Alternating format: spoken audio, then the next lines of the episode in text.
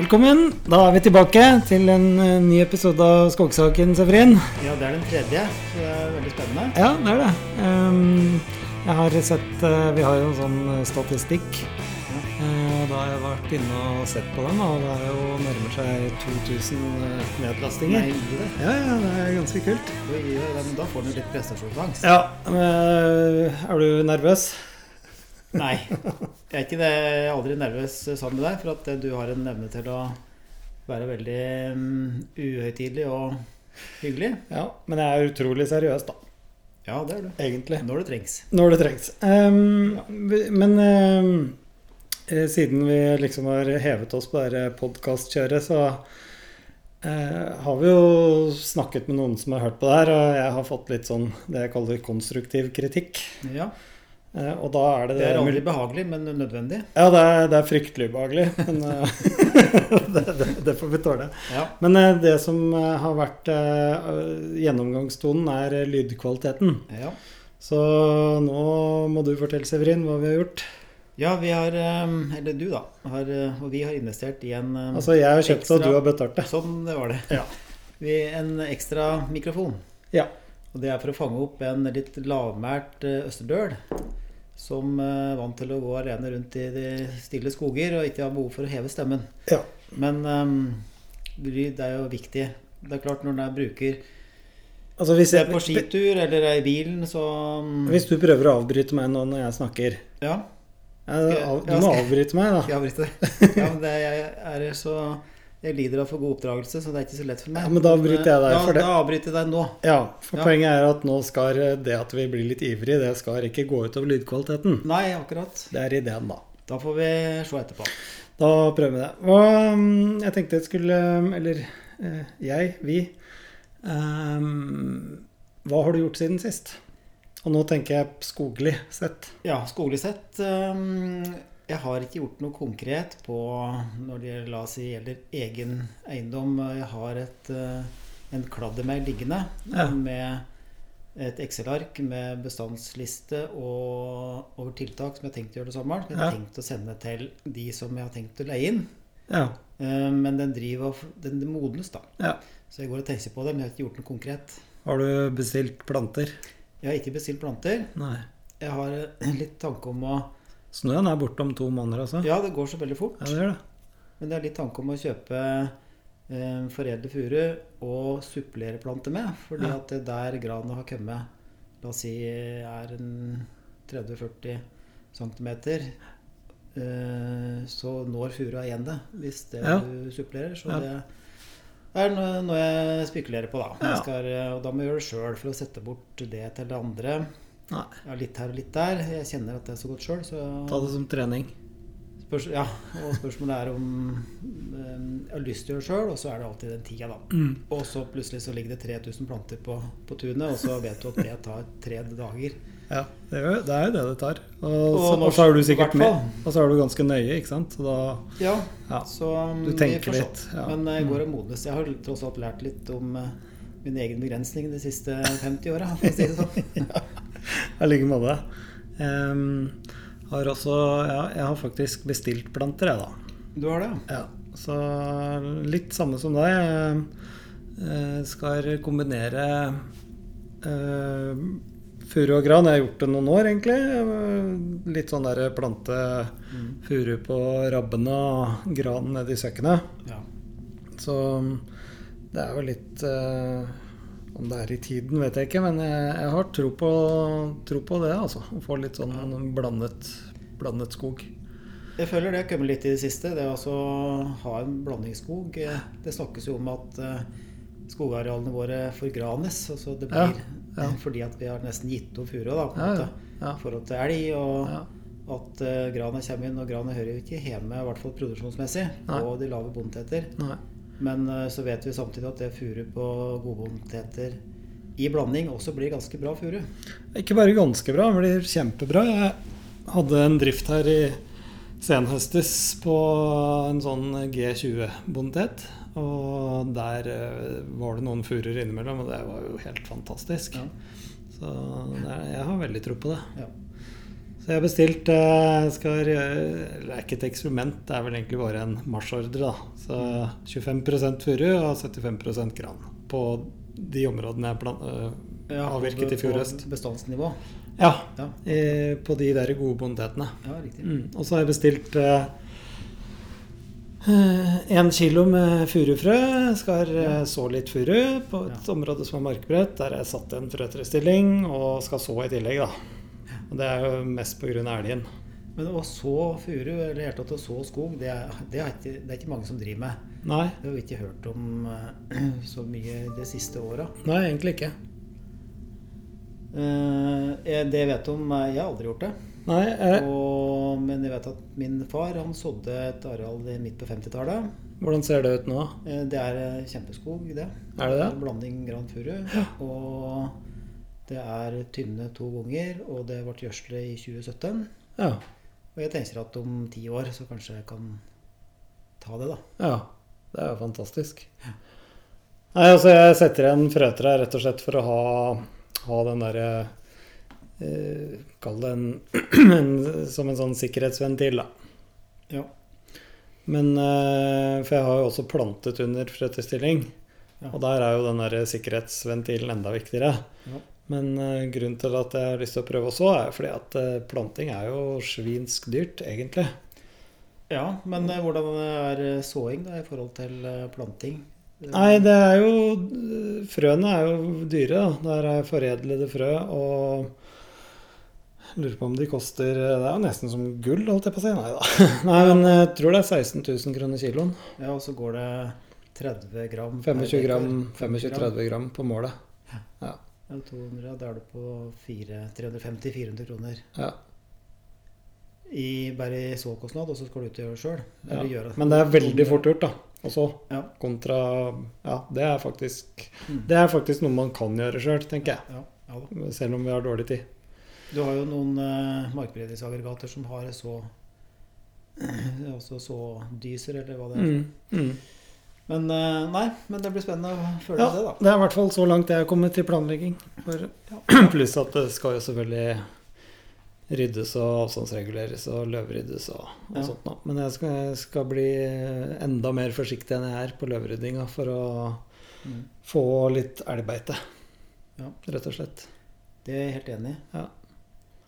Det er ingen grunn til å skjære ned løv som en Nei, så lenge det ikke overtopper, konkurrerer ut eh, Nei, det andre. nei. Og, da er det, det er eh, viltmat, altså. Ja. Det er det. så en liten renessanse for eh, det som vi drev med før, med helvekapping av uh, Ja. trea som ikke skal Ja. um, produsere videre, da, men som likevel kan bli elgmat. Ja, ja. Det er eh, Jeg mener jo selv da at jeg ser en effekt på deler av eiendommen min. Ja. At det blir mer viltmat. Så det i elgjakta. Jeg så liksom sto ganske mye dyr inne i, i sånn sen hogstklasse 2. Mm. Og der er, er det begynner det å komme litt rogn og oss på Selja. Mm. Så det er fint. Hvis man systematisk gjør det over store områder, så blir det jo Ja. Hvis det tilgjengelige elgmat blir eh, 40% høyere, da. Mm. Hvis en driver en ren, et rent produksjonsskogbruk, så Ja. vil jo det hjelpe mye. Ja, På, Jeg tror det. og elgen er, er jo en ressurs. Mm, er det. Eh, Altså, det er jo elgjakta som vi, mange liker å drive med, men Mm. det er jo inntekter.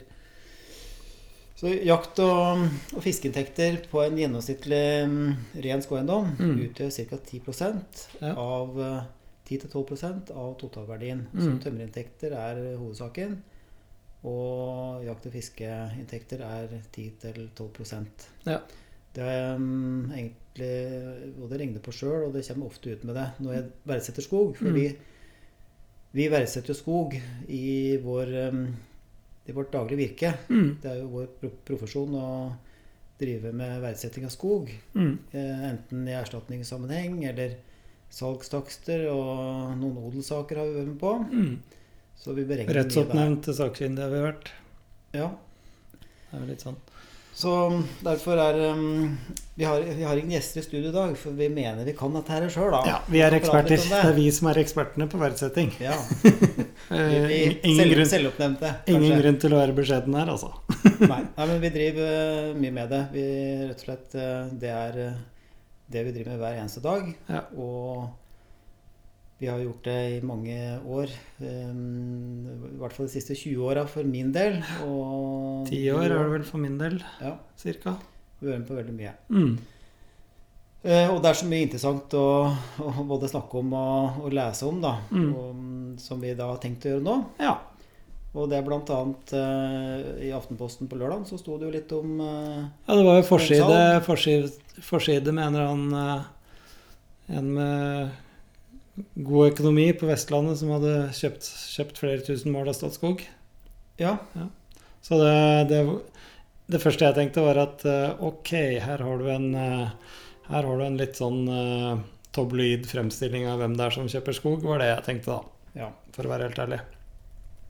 Da kan vi egentlig gå, gå rett på det, for det er jo ofte det som eh, Når det blir skrevet om, så, så blir det ofte framstilt akkurat sånn. At Mm. eh, man tar tak i de um, jeg kaller det utenbygds, de som kanskje er uh, forretningsdrivende og som syns skog er spennende. Mhm. Da er det sånn. Men, uh, og det var, skjedde jo også i Aftenposten-artikkelen på lørdag. Mm. Eh, Da var det en forretningsmann som hadde da kjøpt tilbake skogen som Statskog kjøpte av hans bestefar for um, 50 år siden eller to generasjoner Ja, siden. mm. Ja. Um, og så syns um, vi ikke at det er helt representativt, fordi at eh, de skogsalga vi eh, kjenner til, da, og delvis hører med på og følte med på, Mm. så er det ofte lokale kjøpere, Ja, det er, det er min, min klare oppfatning òg.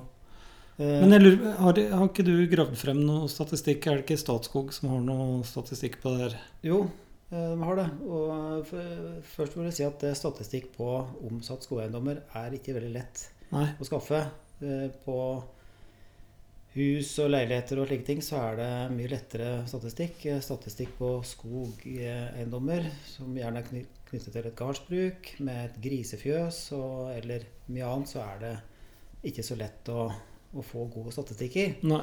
Og jeg tror den beste statistikken vi har, er jo nettopp eh, Statskog eh, eh, sitt, sine salg som de har foretatt siden 2010. Mm. Arronderingssalget. Mm. Eh, Statskog kjøpte 1,1 million mål i 2010 Av eh, Orkla. av Orkla og ble pålagt av Stortinget å selge unna først 600 000 mål. Og nå er det 750, er det? Ja, så kom det en tilleggspålegg Ja. eh, da, Ja. om å selge 150 000 mål til. Mm. Så det er altså 750 000 mål Statskog skal selge. Og de har nå eh, solgt 540 000 mål. Mm. Og det er klart, da har de en veldig stor statistikk. Mm. Og den statistikken, den eh, viser at eh, lokale kjøpere er 66% Så det er rett og slett eh, Men hva, hvilke andre kjøpegrupper er det, da? Eh, Så har Miljødirektoratet har en forkjøpsavtale med Statskog. Mm. eh, for å skaffe makeskifte til eh, verneerstatninger. Da, Mm. for de grunneierne som blir utsatt for eller går med på frivillig vern, Mm. og som fortsatt ønsker å være skogbrukere og ikke motta kontanter. Mm. Så Miljødirektoratet har kjøpt 14% Ja. Det går jo også til private, da. Det, ja, det går til lokale skogeiere. Mm. Så da er vi rett og slett på 80 Mm. av eh, alt sammen som eh, går til lokale skogeiere. Mm. Og kommuner, og det betyr jo da den lokale kommuneskogen, det Mm. er 7 Ja. Og andre kjøpere er 15% ja. Og det er Og- de som er på forsiden av Aftenposten. Ja. Mm. Det, og det må jo rett og slett være da utenbygds Mm. eh, private. Ja. Ehm, og dette stemmer egentlig veldig godt da med, Ja. med de, ehm, de vi har vært med observert de siste åra. Mm. Eh, men det som er likevel en, ehm, en sak i det, det er at eh, Og som også går fram av statistikken her, det er at de utenbygds kjøper gjerne litt større eiendommer. ja. Jeg så jo en eiendom oppe i Nærøy, er en av de største som Statskog har solgt. Den var et par og 30 000 mål. Ja. Eh, For- for det var det en, begynner- en eller annen noen utenbygd som hadde kjøpt det. Men de hadde Ja. tilknytning til bygda en eller annen grunn. hadde tilknytning der Ja. og, og hadde noe der fra før. Men um, de um, eh, Når det blir så store arealer, så blir det ofte veldig mye penger. Mm. Og det er jo ikke nødvendigvis gitt da, at Nei. naboen borti bygda di har mange millioner Nei. til overs. Og da er klart, da kommer det jo andre grupper som eh, Så hvis en ser på areal, for de prosentene jeg sa, det gjaldt antall eiendommer. Ja. Hvis en ser på areal, så utgjør utenbygds 29 ja, av arealet. Så det betyr altså at utenbygds, altså de som vi da ser sånn, sånn, sånn røftlig så er det 70% private og lokale, Ja, og 30 eh, utenbygds. ja. Det er det. Mm. Men eh, det vi også ser da, av de som eh, kommer utenfra og som syns det er spennende med skog, og gjerne vil eie litt av et lite stykke Norge sjøl, Mm. det er at de, de bidrar ganske mye i lokalmiljøet. Mm. De investerer i lokalt næringsliv, Ja. Og de eh, skal bygge på hytta. Det, Eller, det her høres ut som sånn der, at du er statssekretær for Høyre i en eller annen ja. Nei, men jeg, jeg føler at det er en realitet. Ja da. eh, Um, og at det ikke er slik at Da kan jeg være Bjørnar Moxnes jeg nå, da. Nei, men eh, det der er jo helt skandaløst, Severin. Ja, da, da må man bare slå i bordet med noen kjensgjerninger, da. Ja. Det er klart akkurat det er subjektivt, men, vi, Ja. men eh, man registrerer jo at det er tilfellet. ja, jeg er helt enig. Eh, Det er min magefølelse på alt vi har gjort opp gjennom årene. Ja. Men eh, verdsetting av skog, det er jo egentlig mye rart. Hvis dere hører noe sånn plinging, så er det bare Severin som ikke har skjønt hvordan han eh, setter PC-en sin har, på stille. jeg har skrudd av lyden flere ganger. jo. Ja, men verdsetting, det er jo litt sånn derre um, eh, det, det er det objektive, og det er det subjektive. Ja. Så ja, men da tenker jeg at jeg har lyst til å spørre deg ja. eh, først. eh, hva slags verdi har skogen for deg? ja. Det er eh, tømmer, selvfølgelig. Det er det jeg lever av. Det er tømmer, og det er det, det, det, er det vi kan eh, regne på. Mm. Så det er en konkret Mm. verdi. Mm. Da kan jeg spørre deg tilbake, ikke sant. Når du eh, en, en bank kommer da og skal ha en eh, verditakst på en skogeiendom i Trysil, mm. eh, hvordan verdsetter du den? Ja, da er det ut ifra de beregnede verdiene, Mm. som er tømmer, som er opplagt. Mm. Og så er det mm, jakt- og fiskerettigheter, Mm. som også er en eh, ganske sikker inntekt. Mm. Eh, Om du da utnytter det sjøl og skyter en elg som veier 200 kg, så har jo den verdi. Mm. Eller du kan selge elgjakta for eh, litt høyere pris enn kjøttprisen. Ja. Og så er det hytter. Du, mange kjøper jo hytte i Trysefjellet f.eks. For, Ja. for um, noen millioner, så er hytte ved et fiskevann alene er jo, har jo en verdi, det. ja, det har det.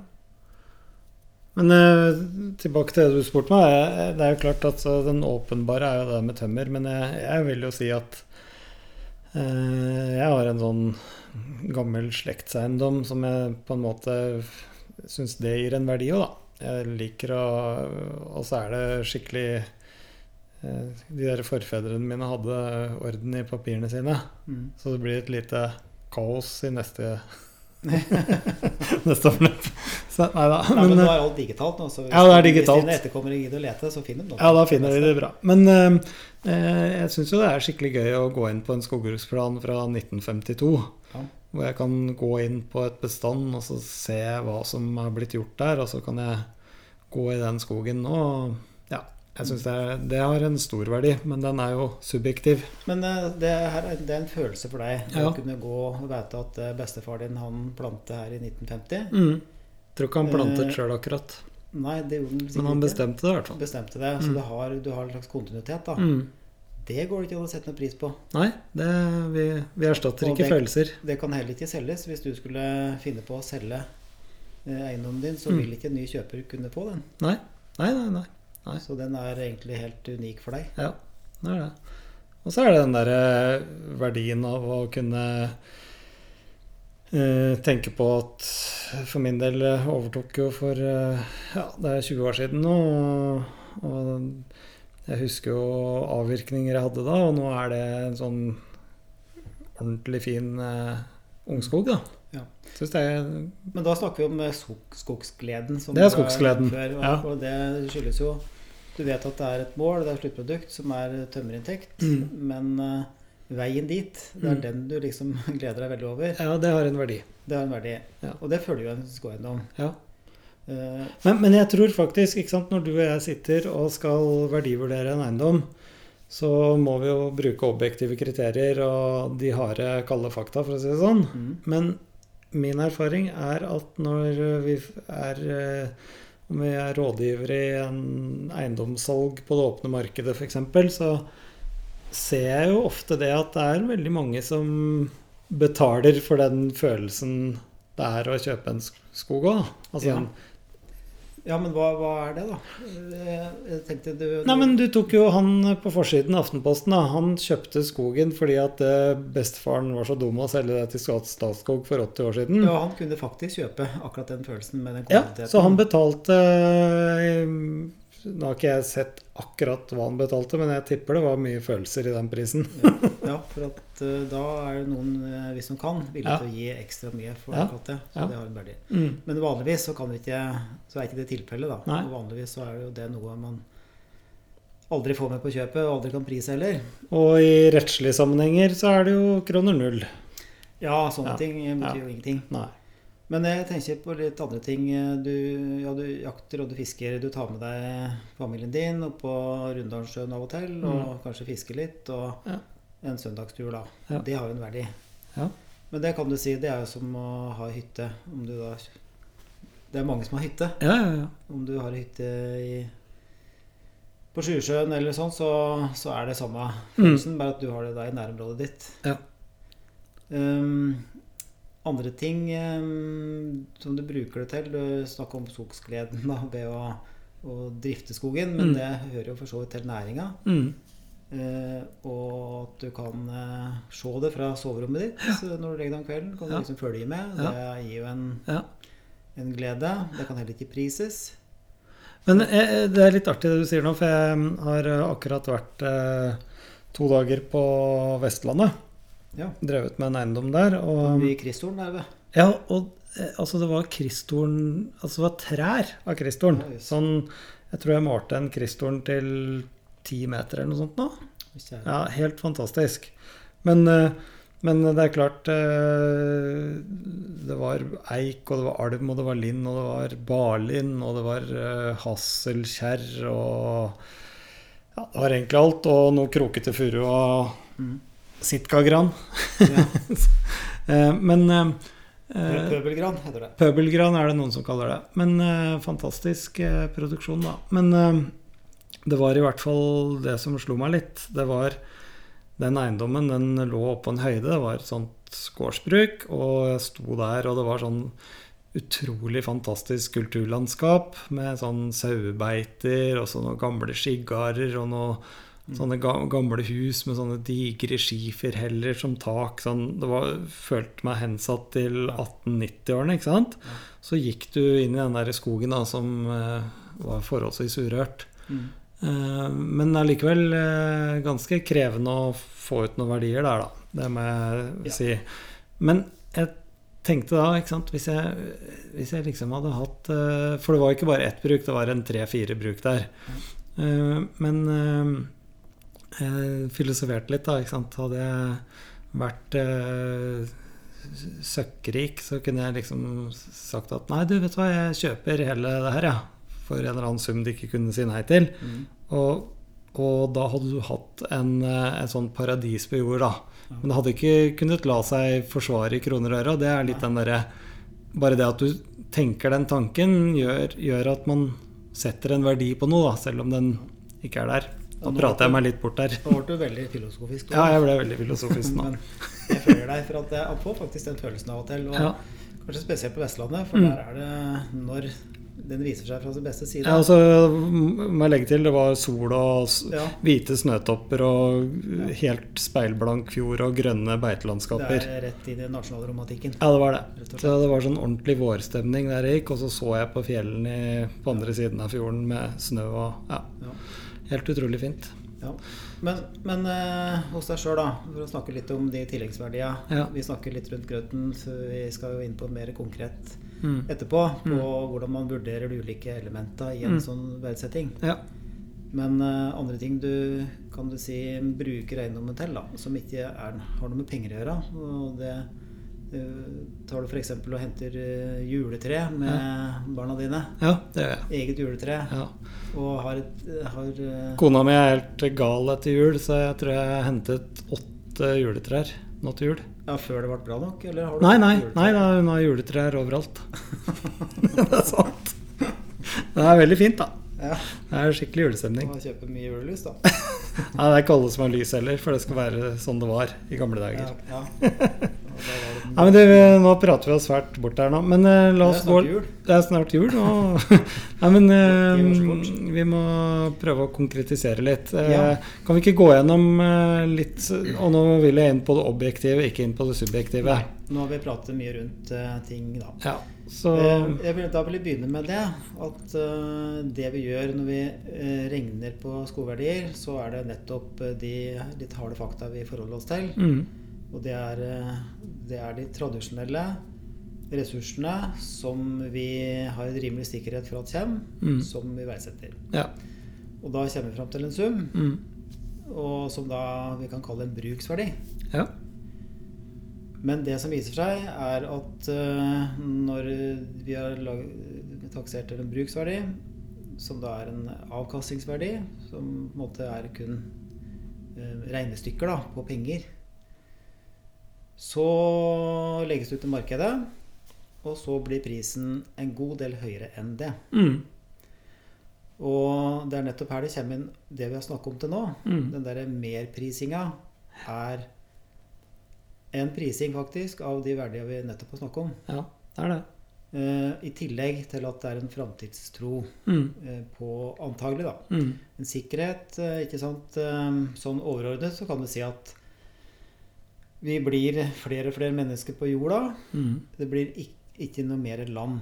Nei. Eh, Det blir kanskje heller mindre land. Ja. Så helt sånn overordnet så kan du tenke at tilbud og etterspørsel burde gjøre at eh, prisen øker i framtida. Mm, Og i tillegg, eh, de som investerer i det, vet at um, altså skog er en, er en fysisk ressurs. mm. Det er ingen Det ser vi jo nå i det koronakrasjet korona, på aksjemarkedene. Ja, ja det er ekstremt følsomt. ja. Mens- Har du mange Har du, har du noen aksjer? Åssen har det gått? Jeg har, nei, jeg har ikke det. Har du ikke det? Nei, Nei. Det har det sikkert du. Men Ja, det. fortelle, ja. Nei, jeg har ikke orket å logge meg inn i nettbanken. Eh, du koser deg ikke med det akkurat nå. Nei, gjør ikke det. Nei, men da er det godt å ta en tur i skogen. Ja, det er det Altså, der, og den vokser uansett. Det er jo et, det, er det som er så fantastisk. Ja. Det, er det den gjør. Han Mm. vokser la oss si 2-3% i året Mm. uansett. Og det, uansett. Er, og det er en realrente, for Mm. det er en fysisk tilvekst, faktisk. Mm, ja. Og i tillegg så kan du velge når du vil avvirke det. Mm, Eh, Er det lavkonjunktur og du ikke trenger penga, så kan, så kan den stå. ja. Eh, I hvert fall hvis den ikke er for gammel. Nå avbrøt du meg. Ja, men vi har to mikrofoner nå, så nå funker det. Men i hvert fall, eh, den vekst på rot, altså den vekst på lager, mener jeg. Mm, Eh, En, en fabrikk, da, du sammenligner her skog med en vanlig fabrikk, så har de produsert, ja det kan være Sabruk for den del, har produsert trelast som da ligger på lager. ja. Og så er det dårlige priser på trelast, og da mm, ligger det på lager, og det har en rentekostnad. Mm, Mens tømmer på lager, det vokser. ja. Så Det er egentlig et- en av et gratis lager. s- Skog, ja, det er rett og slett det. Mm. Eh, At det du Den friheten, da. For eh, en skog må ikke hogges i år. Nei. Fura kan jo Det kan være alt ifra 70 år til kanskje 130 år. Kanskje Ja. blir kanskje enda mer verdt jo lenger den står. Ja. Eller den blir jo det, men de er mer verdt enn prisstigningen også. Mm, Mens grana har et kortere tidsrom, da. Ja. Eller kortere vindu, som det heter på moderne terminologi. Hvor du kan mm. For den, den Den lar seg ikke overholde like lett. Nei, den røtner fortere og blir Ja. Den må liksom tas på en negativ tilvekst, faktisk, da. Ja. Hvis den står for lenge. Mm, Så derfor er det um, lite gammel gran og, og mye furu, da. Men, men eh, litt tilbake til verdsetninga. Det som eh, er litt sånn når vi skal drive eh, sånn objektiv eh, verdsetting her, så er det jo det med avvirkningstid og diskontering Ja. og sånne ting. Det har jo fryktelig mye å si, da. Og hva slags rente man legger til grunn og Ja. Det er alle elementer, egentlig. Ja. Eh, Det er eh, ingen skog som er like. Nei. Eh, Når en skal taksere en leilighet på Sankthanshaugen, så vil jeg tro, da, uten forkleinelse for de som gjør det, at det er enklere. fordi Mm. at der har det blitt solgt ti like leiligheter det siste året. Ja. Mens på skog så har det kanskje blitt solgt ti eiendommer i et helt fylke Mm. gjennom året. Mm. Og alle eiendommer har forskjellig størrelse, Mm. forskjellige boniteter, forskjellig terreng, Ja. forskjellig beliggenhet, Mm. forskjellig bygningsressurs, jakt- og fiskeressurs. Alt er forskjellig. Det Ja. går ikke an å sammenligne. Nei, det er min erfaring. Det er ingen eiendom som er lik. Så det må gå inn i den konkrete vurderinga hele tida. Mm. Og eh, noe som jeg syns er viktig, da, at det, verdsetting av skog er ikke matematikk. Nei, det er skjønn. Mye skjønn. Det er skjønn. Mm. Og vi vet jo det i rettsapparatet, når Mm. det er snakk om, om eh, en eller annen tvist da, Mm. om verdsetting, så heter det ikke rettssak, det heter skjønn. Det heter skjønn. Fordi at det er skjønn. Mm. Og da kan du ikke sette hvem som helst til å bare regne på noen tall. Du, det er en, en, en faglig vurdering Mm. eh, som jo opparbeides over lang tid. Ja. Og han kan ikke være for bastant. Jeg sliter veldig med å være sånn ja, Folk vil ha en sum. Mm. Selvfølgelig må de ha en sum på Ja. takst, men uh, det er et intervall. Det er et intervall, og jeg, i hvert fall min erfaring er når jeg er sakkyndig, det er det der med å faktisk eh, vise at man kan være litt usikker òg. At man ikke er for skråsikker. Ja, men, mm. jeg syns det er viktig å beskrive hva, de forutsetningene du har gjort, Mm. og hva slags grunnlag du vurderer ut ifra. Ja. Og så får en kjøper eh, vurdere sjøl om Mm. man er enig i det. Mm, mm. F.eks. tømmerpris, da, som er det åpenbare. Mm. Eh, Der, eh, der, man kan jo ha mange syn på det, og det ene kan være like riktig som det andre. Mm. Og det viser seg jo også når vi kommer så langt i noen saker som til skjønn, da, at Mm. det er faktisk en, en konflikt om hvor mye en eiendom er verdt, Mm. så kan eh, spriket være enormt. Ja. Eh, Den ene sakkyndige kan eh, være veldig optimist på alle parametere. Jeg husker en eh, sak jeg var uh, sakkyndig. Der var spriket mellom oss sakkyndige var vel på Jeg lurer på om det var 12 millioner. Ja. Ja, ut ifra hva da? Nei, det var, det var Hver av oss hadde gjort en verdsetting av den konkrete eiendommen som Ja. det var tvist om. Ja. Og forskjellen mellom oss sakkyndige var eh, 10-11-12 millioner. Og, så gikk det, og da måtte jo skjønnsretten avgjøre. ja, men på hvilket nivå, liksom? Hva slags eh, pris hadde den? eh?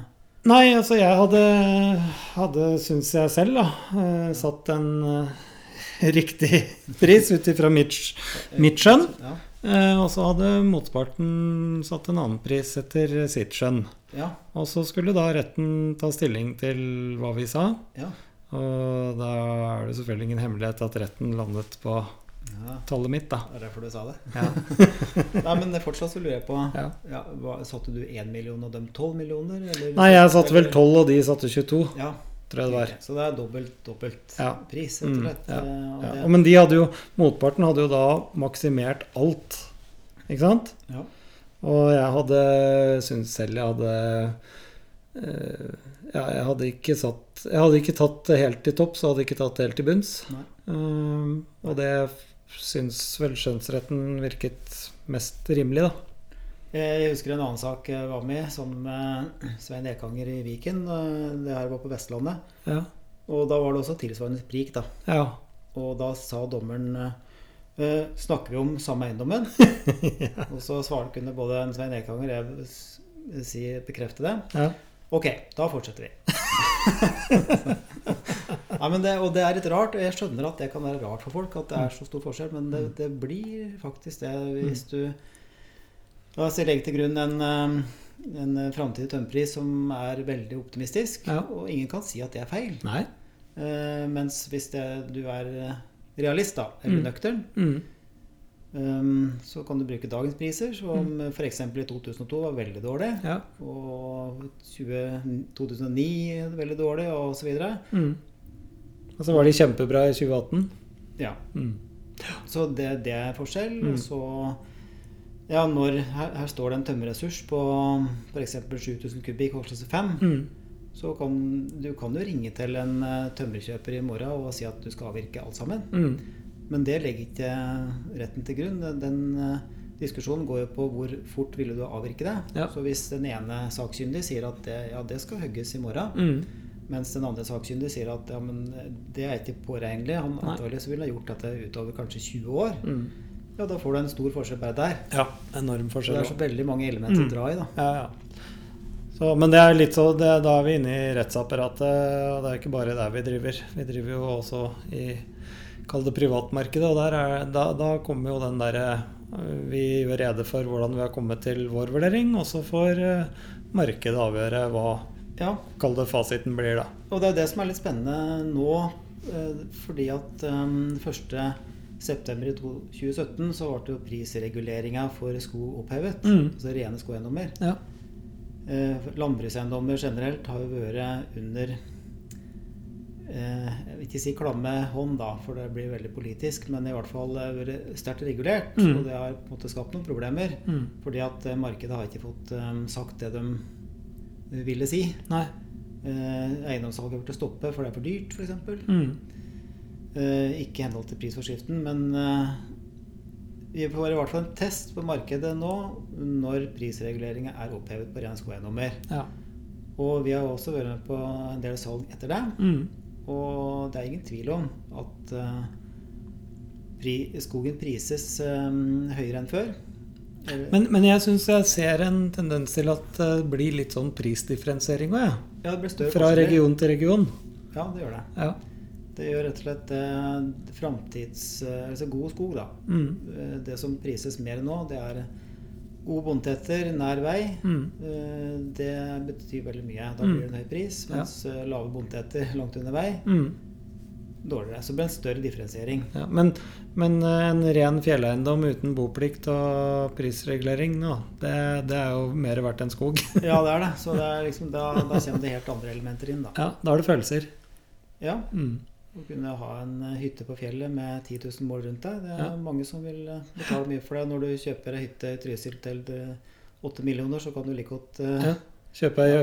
jaktbu inn på fjellet, Ja. Mm.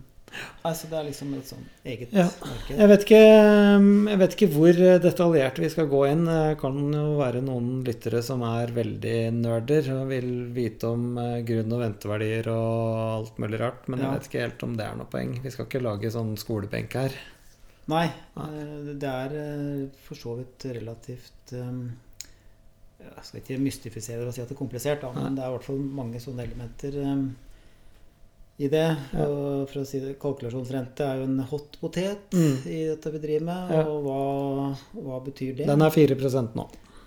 Den er 4 eh, i- altså i prisforskriften. Ja. Så er den 4 Ja. Men hva betyr kalkulasjonsrente for verdien av en eiendom? Mm. Eh, Vi kan jo bare si generelt at eh, jo høyere kalkulasjonsrente er, jo lavere verdi får eiendommen. Mm. Fordi at du skal eh, forsvare et strengere rentekrav, på en måte, så da blir Og skog som er så langsiktig, da. Mm. Når du skal konkurrere med rente på 4% så blir en inntekt om 50 år blir veldig, veldig liten. Så jo lavere den renta er, jo høyere blir eiendomsverdien. Og i Sverige da, for eksempel, så sier de jo at, um, at eh, de priser skogen til ca. 2% Ja, jeg lurer på om jeg så 1,8 Vi har sagt 1,8 Ja. og 2 og 2,5. Ja, nemlig. Ja, men rundt der. Ja. Og det er i hvert fall lavere enn vi i Norge som har vært kan vi si, dressert da, til Mm. å bruke 4 Mm. Og det blir brukt, jordskifteretten bruker 4 Mm. um, Rettspraksis eh, ellers bruker 4 Mm. Men det er en eh, rente som eh, I en erstatningssammenheng så skal du kunne plassere penga Mm. til 4 Det er det den egentlig sier. Ja. Mens den som skal kjøpe skog, som kanskje har noen penger i banken Mm. eh, og, pe penga i banken gir ikke 4 Nei. Så derfor kan de tenke at i banken får de 1,5% Og hvis jeg kjøper skog og regner med 2 Mm. ja, da lønner det seg for meg. Ja. og så gjør de det. Og da er du i gang. Så antagelig så er vi i Norge der nå at vi nærmer oss at eh, skogen blir priset på totall, i hvert fall. Mm. Um, og det er litt forskjell på, på skatt uh, sånn på skog i Norge og Sverige som gjør litt forskjell, men Ja. rundt uh, der, da. Ja. Nei, men det, det, er, det er jeg helt enig i. Eh, ja. Nei, men jeg tror ikke vi skal dyp, grave så mye dypere i Nei. detaljene på verdsetting. Det, det kanskje, men um, i hvert fall um, For akkurat det med rentesatsen er jo litt for, uh, for nølende, som du sier. Men uh, det som jeg merker meg, da uh, når- en skogeier får en erstatning som plasserer til 4 Mm. så kan han si at ja, men det er helt urealistisk. Ja. Oljefondet Ja. de har hatt um, en avkastning på 6 siden 2020. Nei, unnskyld, siden 2000. Altså de siste 20 åra. Mm. Så det var faktisk klart da. ja. Så da fikk Høyesterett endelig noe å sette Argumentere sånn at de, de kan eh, fortsatt holde seg på 4% For det er jo Høyesterett Ja. som har bestemt det. I hvert fall Det er det, og vi, vi som sånn rent skogfaglig får ikke gjort noe med det. Nei, det er, det er bare rettslig. Sånn men eh, det er alle faglige vurderinger rundt det likevel. Og, og ja, Mm. Markedet sier jo sitt, da. Ja, da tror jeg ikke vi snakker noe mer om eh, detaljene om verdsetting. Nei, vi må jo ha noen eh, forretningshemmeligheter, hørte jeg på å si. Nei, men det er, et, det er et fag, da. Ja, det er et fag. Man må liksom følge med på mange ting over lang tid. Ja. Men eh, jeg tenkte jeg skulle spørre deg, har du, um, har du planlagt noe? Jeg spurte deg i stad om du hadde bestilt planter og sånt noe, men jeg ble litt sjokkert da, når du ikke har eh, tenkt Gjort noen ting. Ikke gjort en damn shit. Det er midt på vinteren. Eh, Riktignok har jeg vært lærer på vinterlammeskolen, men eh, det får da være grenser. Du kan ikke plante på vinteren. Nei, det kan ikke. Nei, men Har du sust noe rundt på scooteren din sist og klippet oppskudd, eller? Nei, jeg har ikke det. Nei? det. Nå har det jo kommet snø, så det helt ideelle føret er jo når det er skara. Ja, det er det. Det er en måned til, det. Ja, Da blir det det- blir sikkert noen fine dager utover. Ja. Men akkurat eh, nå har jeg ikke gjort det. Nei. Ja, apropos det, har du, um, eh, har du digital skogbruksplan? Nei, Nei? det har jeg ikke. Så du Jeg løper rundt med sånne permer fortsatt? Ja. Eh, Eller har du det in your head? ja. Jeg mener jo sjøl at jeg har det in my head Mm. and in my heart. Yes. Eh, det er litt som skomakerens barn. ja. Eh, Jeg har en skogbruksplan fra Viken i 2009. ja. Eh, Og den er på papir. Eh, Jeg har tenkt de siste ti åra at jeg skulle få den på um, digitalt. Mm. Jeg har ikke gjort det. Men eh, jeg har, føler at jeg har oversikt, da. ja. Jeg har det derre Alma, jeg. Ja. Veldig fornøyd med det, egentlig. ja. Så da kan jeg sitte og legge inn kommentarer og sende det rett til skogbrukslederen, som hjelper meg litt. Og, ja, Men du bruker den aktivt, så du, Ja, jeg bruker den veldig aktivt. Du er rett og slett jour hele tida. Ja, er det. Det er den store fordelen.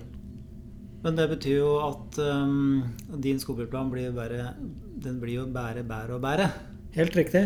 Det er ikke bære, bære. Nei, ja, men han, eh, det det er faktisk det, altså.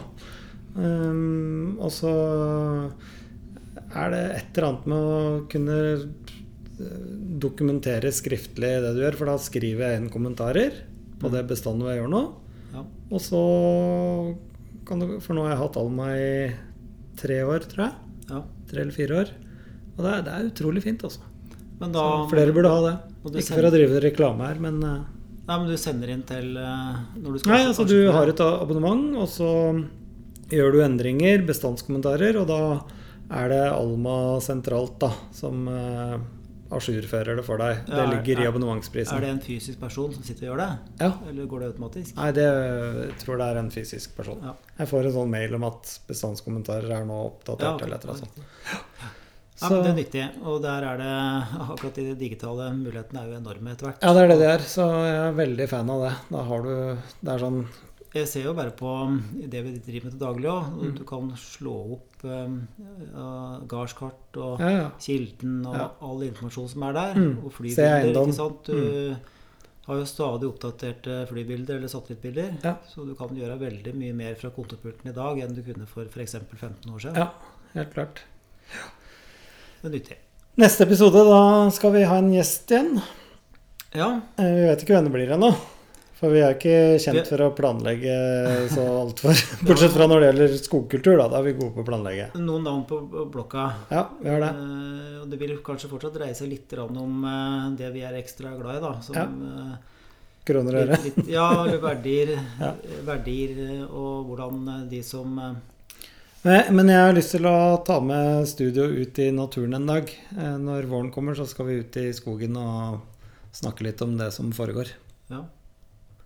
Med fuglekvitter og Ja, full pakke. ulvehyl. Mm. Rett og slett. Ja. Ja da. Nei, men vi har eh, et par navn som eh, er litt interessante å snakke med, som ja, nok kommer eh, i neste episode, tipper jeg. Ja. Mm. Men eh, det blir fortsatt en del eh, om eh, hva, du, hva den enkelte av oss driver med. Ja. Og aktiviteten vil jo øke litt utover Ja, våren. det, er jo, det her er jo en forferdelig dødtid i skogen, egentlig. da. Ja, ikke på avvirkning, da. Nei, men det syns vi er kjedelig. Det er jo, det er jo kjedelig. Det er bare styr. Ja, altså du vil, du vil jo gjøre det. Mm. Men um... Så må du brøyte veier, og så blir det ikke kjørt tømmer, og så, og så kommer ikke hogstmaskina når den skal. Og det er bare, bare plender. Ja. Nei da. Men uh, vi runder av nå, Sefrin. Ja, det kan vi gjøre. Nå Så- har vi spist bløtkake og en, eh, en på fotoreisjon som 40-50 her om dagen. Ja. Nå har vi feiret han i fred og ro med bløtkake. Nei, men da avslutter vi, og så høres vi igjen i neste episode. Ja, Greit, det. Fint det. Jeps. På gjenhør. På gjenhør, heter det.